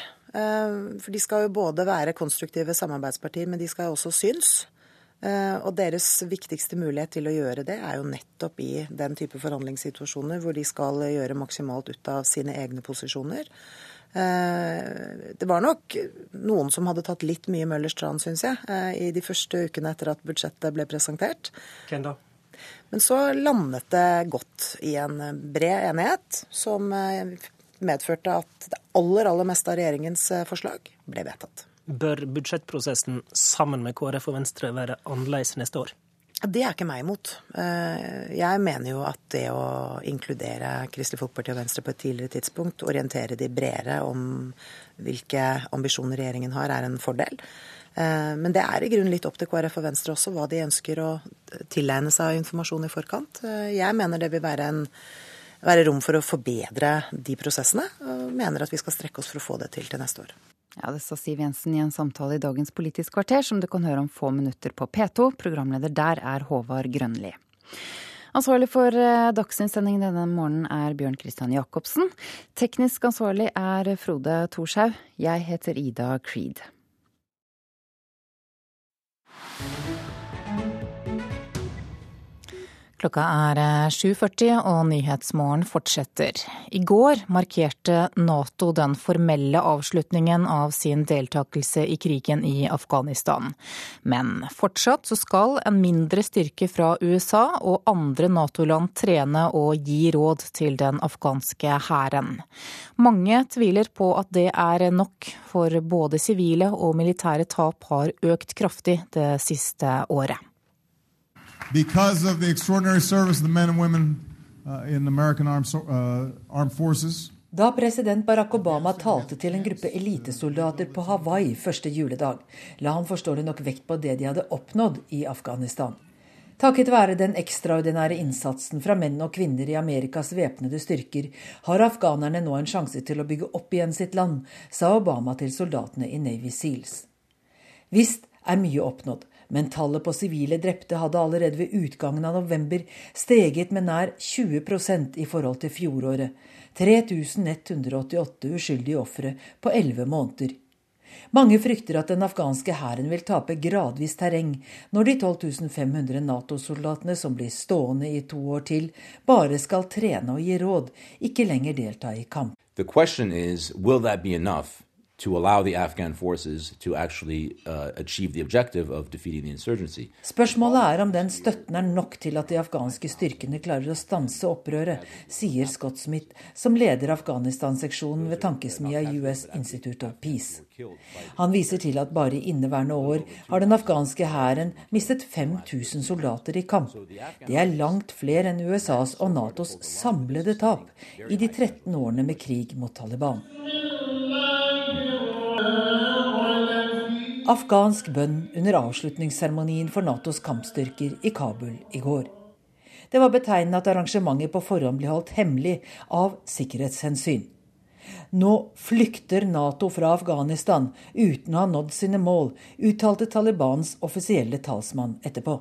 Her i USA har Obama blitt utsatt for kraftig kritikk for å ha trukket USA ut av Irak for tidlig, og dermed bidratt til at den islamske staten, IS, har kunnet vokse seg sterk. Scott Smith har mange års erfaring fra Afghanistan, og han tror at erfaringene fra Irak kan komme til å få konsekvenser for de amerikanske styrkene i Afghanistan. I think there's no question that the rise of ISIS or ISIL or Daesh in uh, Iraq Det er ingen tvil om at framveksten av IS etter at den amerikanske tilbaketrekkingen fulgte en timeplan snarere enn oppnådde resultater, har fått mange til å revurdere hvordan vi bør trekke oss tilbake fra Afghanistan, sier Smith. As the US government looks at what happened in Iraq with its sudden withdrawal. Når den amerikanske administrasjonen nå ser hva som skjer i Irak, blir det kanskje nødvendig å vurdere på nytt bl.a. hvor mye flystøtte vi bør bidra med i Afghanistan hvis vi vil unngå kaos, mener Smith. Opprinnelig innebar Natos vedtak om ingen kampstyrker etter 2014 også ingen kampfly. Men i slutten av oktober ble det klart at USA og Nato fortsatt vil bidra med flystøtte, også i offensive operasjoner. Så sent som i forrige uke var amerikanske fly og helikoptre helt sentrale i en tolv dager lang operasjon øst i landet, der vel 150 Taliban-soldater ble drept. Et annet problem er at Afghanistan fortsatt mangler en regjering, tre måneder etter at Ashraf Ghani ble tatt i ed som president. You need generals who report to a minister of defense who sets out a policy and a strategy. Um, you need a police who ministry of interior du trenger generaler som rapporterer til et forsvarsdepartement som lager strategien. Politiet trenger en innenriksminister som gjør det samme, sier Scott Smith fra USAs institutt for fred. Fungerende politiske institusjoner er heller ingen garanti for fred, men de er nødvendige. Groholm, Washington. Klokka er 7.44. Du lytter til Nyhetsmorgen, og dette er hovedsakene våre. Det brenner fortsatt i passasjerferjen i Middelhavet. Over 200 kalde passasjerer venter fortsatt på hjelp for å komme seg vekk fra skipet. Helsepersonell er nå heist ned for å hjelpe dem. Indonesiske myndigheter tror at det savnede Air Asia-flyet har styrtet i havet. Flyet har 261 mennesker om bord. Og norske kvinner lever for å jobbe, mens menn jobber for å leve, ifølge en undersøkelse. Nå skal du få Politisk kvarter, og programleder er Håvard Grønli.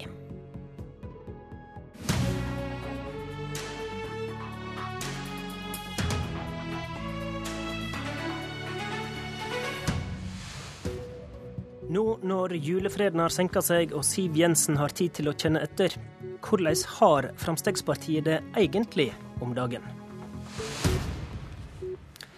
Velkommen hit til et eh, oppsummerende romjulspolitisk kvarter, Siv Jensen. Tusen takk. Vi er merksom på at dette kvarteret er spilt inn i opptak før jul. Så her vi sitter nå, eh, har du kanskje ikke helt julefreden enda, men det er uansett tid for å gjøre opp status. Og hvis vi ser på meningsmålingene, så begynner kanskje regjeringsdeltakinga å koste litt. Har du kjent på det i høst? Det er aldri hyggelig når målingene går ned, eh, men jeg har jo så lang erfaring i politikken at eh, målinger de går opp, og så går de ned. Eh, de kan være øyeblikksorientert, og det aller viktigste meningsmålingen vi forholder oss til, er jo valg. Så har det vært mye støy og uro gjennom høsten. Eh, det jeg kanskje syns har vært mest skuffende, er jo at det har vært veldig lite oppmerksomhet på alle de viktige sakene som eh, regjeringen tross alt fikk gjennomslag for med budsjettet. Eh, hvor vi leverer masse god Fremskrittspartipolitikk ut fra alle departementene. Som kommer til å merkes positivt for folk neste år. Og da er jeg også sikker på at vi kommer til å se det i mer positive målinger. Dette du er inne på nå, er jo en øvelse som SV sleit en del med, å klare å dyrke sine seire. Ehm, har dere vært for dårlige til det, da? Jeg syns vi har vært veldig gode til å dyrke seirene våre. Og jeg var jo veldig tydelig på fra start om at vi ikke skulle dyrke nederlag, men vi skulle dyrke seire. Eh, vi gikk tidlig ut og erkjente hvor vi ikke hadde fått eh, godt nok gjennomslag i regjeringsplattformen. Et sånt eksempel er jo bompenger. Fremskrittspartiet er jo imot eh, bompenger, men vi styrer på en regjeringsplattform som skal skal eh, bompengefinansiere veiprosjekter, men vi får til gjengjeld gjennom mange viktige reformer i samferdselssektoren som aldri ville blitt gjennomført hvis vi ikke satt i regjering. Og jeg mener det er det vi må måles på. Det er Ville det vært en annen politikk hvis Fremskrittspartiet ikke satt i regjering? Ja. Hvordan forklarer du sjøl at dere blir straffa av velgerne akkurat nå, da? Jeg mener det handler veldig mye om den støyen og uroen som har vært. Og jeg er jo... Hva for noen områder du tenker på da? Nei, det har jo vært altfor lite fokus på at vi har tidenes kraftsatsing på samferdsel, som gjør at vi for første gang på flere tiår nå faktisk begynner å ta igjen på vedlikeholdsetterslepet. Men, men, men hva for noen områder tenker du det er problematisk støy og uro på? Nei, hele budsjettdebatten handlet om veldig små, eller få ting. Mens budsjettet egentlig handlet om veldig mye mer. Vi har altså levert et eh, justisbudsjett som har fått allmenn ros fra et samlet Justis-Norge. Fordi det henger sammen, og fordi det gir kraftsatsing både til politi, til fengselsvesenet, til eh, domstolene. Eh, vi leverer jo i eh, asylpolitikken. Det har aldri vært sendt flere mennesker med ulovlig opphold ut av Norge enn under denne regjeringen, og det gir Fremskrittspartiet til valg på. Vi har levert et godt helsebudsjett. Vi har levert et kjempestort samferdselsbudsjett. Fremskrittspartiet gikk til valg på å redusere skattene og avgiftene. Nå har vi redusert dem med 12,5 milliarder siden vi tiltrådte. Vi gikk til valg på å forenkle samfunnet. Det gjør regjeringen i stort monn. Eh, og så er det jo sånn at mye av det arbeidet vi har igangsatt, merkes jo ikke ennå. For det er nå i, i, månedene som ligger foran oss at disse reformene virkelig vil, eh, vil inntreffe. Og da er jeg sikker på at eh, vi kommer til å få kreditt, rett og slett, for at vi har levert det vi sa vi skulle. Du sier da det ble fokus på en del små uh, saker i budsjettprosessen. Nei, jeg sa få saker. Sa du få, ja. ja. Uh, hva står i ditt uh, julekort til KrF og Venstre etter denne budsjettrunden i høst? Jeg tror vi skal spole noen år tilbake i tid. Eh, da var det veldig få som trodde at eh, de fire partiene som nå samarbeider, ville klare å få det til. Vi utviklet eh, nærere bånd gjennom de siste årene i forrige stortingsperiode. Som dannet et veldig godt grunnlag for at de fire partiene kunne samarbeide. Og Så først og fremst sender du en stor takk? Ja, så Ingen må jo bli veldig overrasket over at det innimellom er litt støy. For det er fire partier som uh, i noen saker har veldig ulik uh, tilnærming. Vi er direkte uenige i noen spørsmål, men til gjengjeld så trekker vi i samme retning i veldig mange saker. Og tross alt så har jo regjeringen fått gjennomslag for det aller, aller meste av det vi har eh, lagt frem for Stortinget. Men det og det tyder jo på at vi har et godt samarbeid. Det tok lang tid å få det gjennom, eh, gjennom Stortinget. Da, Hva tok tid å få gjennom Stortinget? Budsjettet tok lang tid å få gjennom eh, Stortinget. Nei, det gjorde jo ikke det. Det tok et par dager ekstra i forhold til i fjor. Syns du prosessen var god med KrF og Venstre? Jeg tror ingen skal bli overrasket over at en mindretallsregjering må forhandle i Stortinget. Men nå har vi jo litt sånn, skal vi si, litt dårlig korttidshukommelse, kanskje. da. Det, det, vanlige i norsk politikk har jo nettopp vært forhandlinger. Så har vi hatt åtte år med en flertallsregjering hvor alle forhandlingene skjedde i lukkede rom. Uh, utenfor Stortingets korridorer. Men jeg tror ingen tror at det ikke var elleville slåsskamper mellom eh, Arbeiderpartiet, SV og Senterpartiet. Det var bare at vi hørte ikke noe om de. Eh, jeg mener det er en styrke for demokratiet at folk får se at politikk blir til. Eh, at de ser at det er allmenn, et allment forsøk på å bli enig, og det mener jeg vi lykkes med. Det var forhandlinger, og de var ekte. Tenker du at velgerne fikk et positivt inntrykk av samarbeidspartiene i den budsjettprosessen som var? Nja, i hvert fall når vi hadde landet det, så tror jeg at de så at eh, vi klarte å skjære igjennom, klarte å bli enige. Landet har fått et budsjett, og det er et godt budsjett som har fått mye ros fra veldig mange. Syns du KrF og Venstre overspiller? De har jo en eh, annen rolle enn regjeringspartiene har. Eh, for de skal jo både være konstruktive samarbeidspartier, men de skal også synes. Eh, og deres viktigste mulighet til å gjøre det er jo nettopp i den type forhandlingssituasjoner hvor de skal gjøre maksimalt ut av sine egne posisjoner. Eh, det var nok noen som hadde tatt litt mye Møllers tran, syns jeg, eh, i de første ukene etter at budsjettet ble presentert. Hvem da? Men så landet det godt i en bred enighet, som medførte at det aller, aller meste av regjeringens forslag ble vedtatt. Bør budsjettprosessen sammen med KrF og Venstre være annerledes neste år? Det er ikke meg imot. Eh, jeg mener jo at det å inkludere Kristelig Folkeparti og Venstre på et tidligere tidspunkt, orientere de bredere om hvilke ambisjoner regjeringen har, er en fordel. Eh, men det er i grunnen litt opp til KrF og Venstre også hva de ønsker å tilegne seg av informasjon i forkant. Eh, jeg mener det vil være, en, være rom for å forbedre de prosessene, og mener at vi skal strekke oss for å få det til til neste år. Du var inne kort sjøl på asyl- og innvandringspolitikken, som du da er i ferd med å framstille, var i ferd med å framstille som en stor positiv ting. Men samtidig er jo det et vanskelig slikt forhandlingsområde mellom sentrum og, og regjeringa. Eh, er det en belastning å sitte med det ansvaret i regjering, når dere iallfall ikke kan få gjennom all primærpolitikk for Frp? Det er jo riktig at Fremskrittspartiets eh, utgangspunkt er et, en strammere asyl- og innvandringspolitikk. Men samtidig så har vi en avtale mellom de fire partiene som gir betydelige innstramminger i forhold til det som var situasjonen under den rød-grønne regjeringen, og det er jeg veldig godt fornøyd med. Vi eh, bygger eh, nye lukkede mottak. Vi øker utsendelsen av mennesker som ikke har lovlig opphold i Norge. Vi sender veldig klare, tydelige signaler til verden omkring oss om at nå er det en ny, mer restriktiv praksis i Norge. Samtidig så har vi et ansvar for å integrere dem som får opphold. Og vi arvet altså tusenvis av mennesker som har fått lovlig opphold i Norge, men som sitter på asylmottak uten å ha blitt utplassert. Det Så du er komfortabel med forvaltninga av denne politikken? Jeg mener det er viktig at regjeringen leverer på begge deler. Vi skal både være strenge i forhold til mennesker som ikke får lovlig opphold i Norge, og så skal vi sørge for en raskere integrering av dem som skal være her. Begge deler har alltid vært viktig for Fremskrittspartiet. Jeg mener vi har funnet en god balanse i den avtalen vi har mellom de fire partiene. På landsmøtet til eh, Frp i, eh, nå i vår, så, så skal jeg innrømme at jeg var litt imponert. Eh, for det virka som om eh, partiet var så samla om eh, dette regjeringsprosjektet at det ville ta litt tid, og at en måtte kompromisse litt. Nå har, dere fått prøvd dere litt mer. Lagt fram mer av egen politikk og prøvd det gjennom Stortinget overfor publikum. Er du trygg på at lojaliteten til regjeringsprosjektet hos dine Frp-ere vil vare?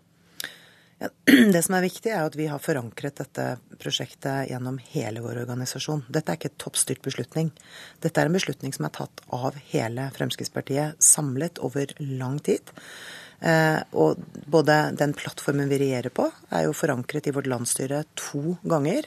Eh, slik at her har det vært betydelig eh, involvering av en helpartiorganisasjon. Det jeg opplever både nå og for et år siden, er en utrolig stor stolthet i Fremskrittspartiet over at vi faktisk sitter i regjering, og at vi leverer det vi sa vi skulle gjøre. Også når huske, det blir et vanskelig kompromiss? Ja, men du må huske på at bare for to år siden så var det jo ingen i Norge, eh, utenom eh, Fremskrittspartifolk, som trodde at det skulle gå bra med Fremskrittspartiet i regjering. Vi ble jo dømt nord og ned. Påstandene om eh, dommedag var jo nær hele tiden. Og det går bra. Folk ser jo at landet styres på en trygg og god måte, og de ser at vi leverer det vi sa vi lovet velgerne, hver eneste dag. Det var julehilsinga fra Frp-leder Siv Jensen. Vi vender oss til NRKs politiske kommentator Lars Nehru Sand. Hvor farlig er den lave oppslutninga Frp har nå, på vei inn i et lokalvalgsår?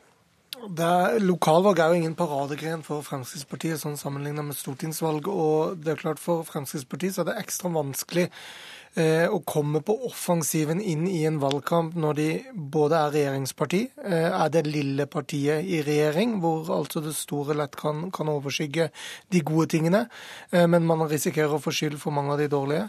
Eh, og Samtidig så er Frp et fløyparti i regjering, eh, som naturlig nok må kompromisse. Og de er til og med også et fløyparti i en mindretallsregjering.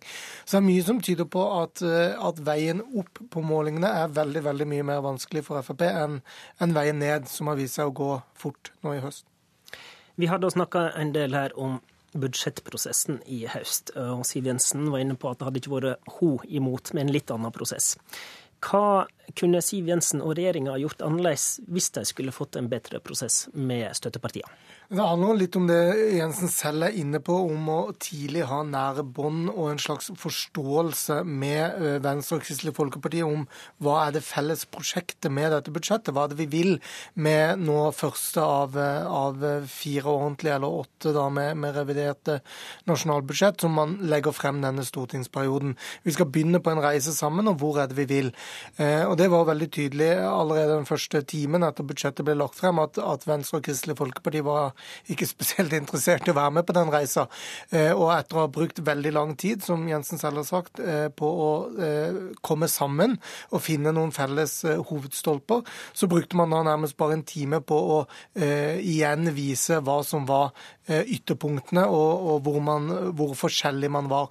Og Det danna et veldig dårlig grunnlag for den videre forhandlingsprosessen, hvor man jo skal prøve å skrive seg sammen. Venstre og Kristelig Folkeparti følte at Høyre og Frp hadde starta hele budsjettarbeidet med å bare se på sine hjertedeler av, av av samarbeidsavtalen, og Venstre og KrF svarte da med å bare legge frem alternativ budsjett, hvor de så på sine hjertesaker i samarbeidsavtalen. Da ble utgangspunktet ganske dårlig. Har de interesse av å samordne seg bedre, da? Man kan forstå at Venstre og Kristelig Folkeparti ikke vil knytte seg til finansminister Siv Jensen på en sånn måte at de nærmest sitter på fanget og godtar budsjettet eh, før de møter velgerne og, og opposisjon, altså Arbeiderpartiet f.eks. og pressen, eh, når budsjettet legges frem. For da må Venstre og Kristelig Folkeparti eh, svare ut ifra at ja, men dette visste jo dere at kom, eller dette kunne jo dere ha påvirka i, i, hemmelige møter med Siv Jensen. Og det de må klare, er å finne en, en bedre måte for hvordan Venstre og Kristelig Folkeparti kan være orientert, men ikke ansvarlig.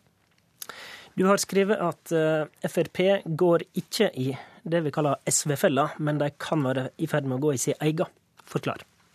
Ja, jeg mener at eh, Siv Jensen har rett når hun sier at Frp ikke har vært dårlige til å selge sine egne seire. Eh, men de lider under det av å være et fløyparti i en mindretallsregjering. SV satt jo i en flertallsregjering, og mange av kampene skjedde på eh, bakrommet. Og de var ferdig forhandla når de kom frem i offentligheten.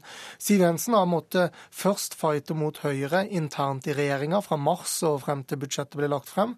Så har hun måttet fighte mot opposisjonen eh, og, og, på en måte storsamfunnet etter, eller da budsjettet ble lagt frem. Og så har hun måttet fighte mot eh, sentrumspartiene i forhandlinger om budsjettet i i etterkant i Stortinget. Og Det er tre runder hvor Frp som fløyparti hele tiden må se at budsjettet blir dratt inn mot sentrum for å få flertall. Og Det er en ganske vanskelig øvelse i så mange runder, én runde mer enn SV måtte gjennom, å skulle stå for sine hjertesaker. Og Da får man ganske krampaktige eh, eh forsøk på å eh, si at eh, bensinavgiften f.eks. er veldig veldig viktig for Frp, eh, og det blir heist til en symbolsak som er mye større enn seg selv. Og flere runder blir det nok i 2015. Takk til Lars Nehru Sand. Takk for at du kom, Siv Jensen. I studio, Håvard Grønli.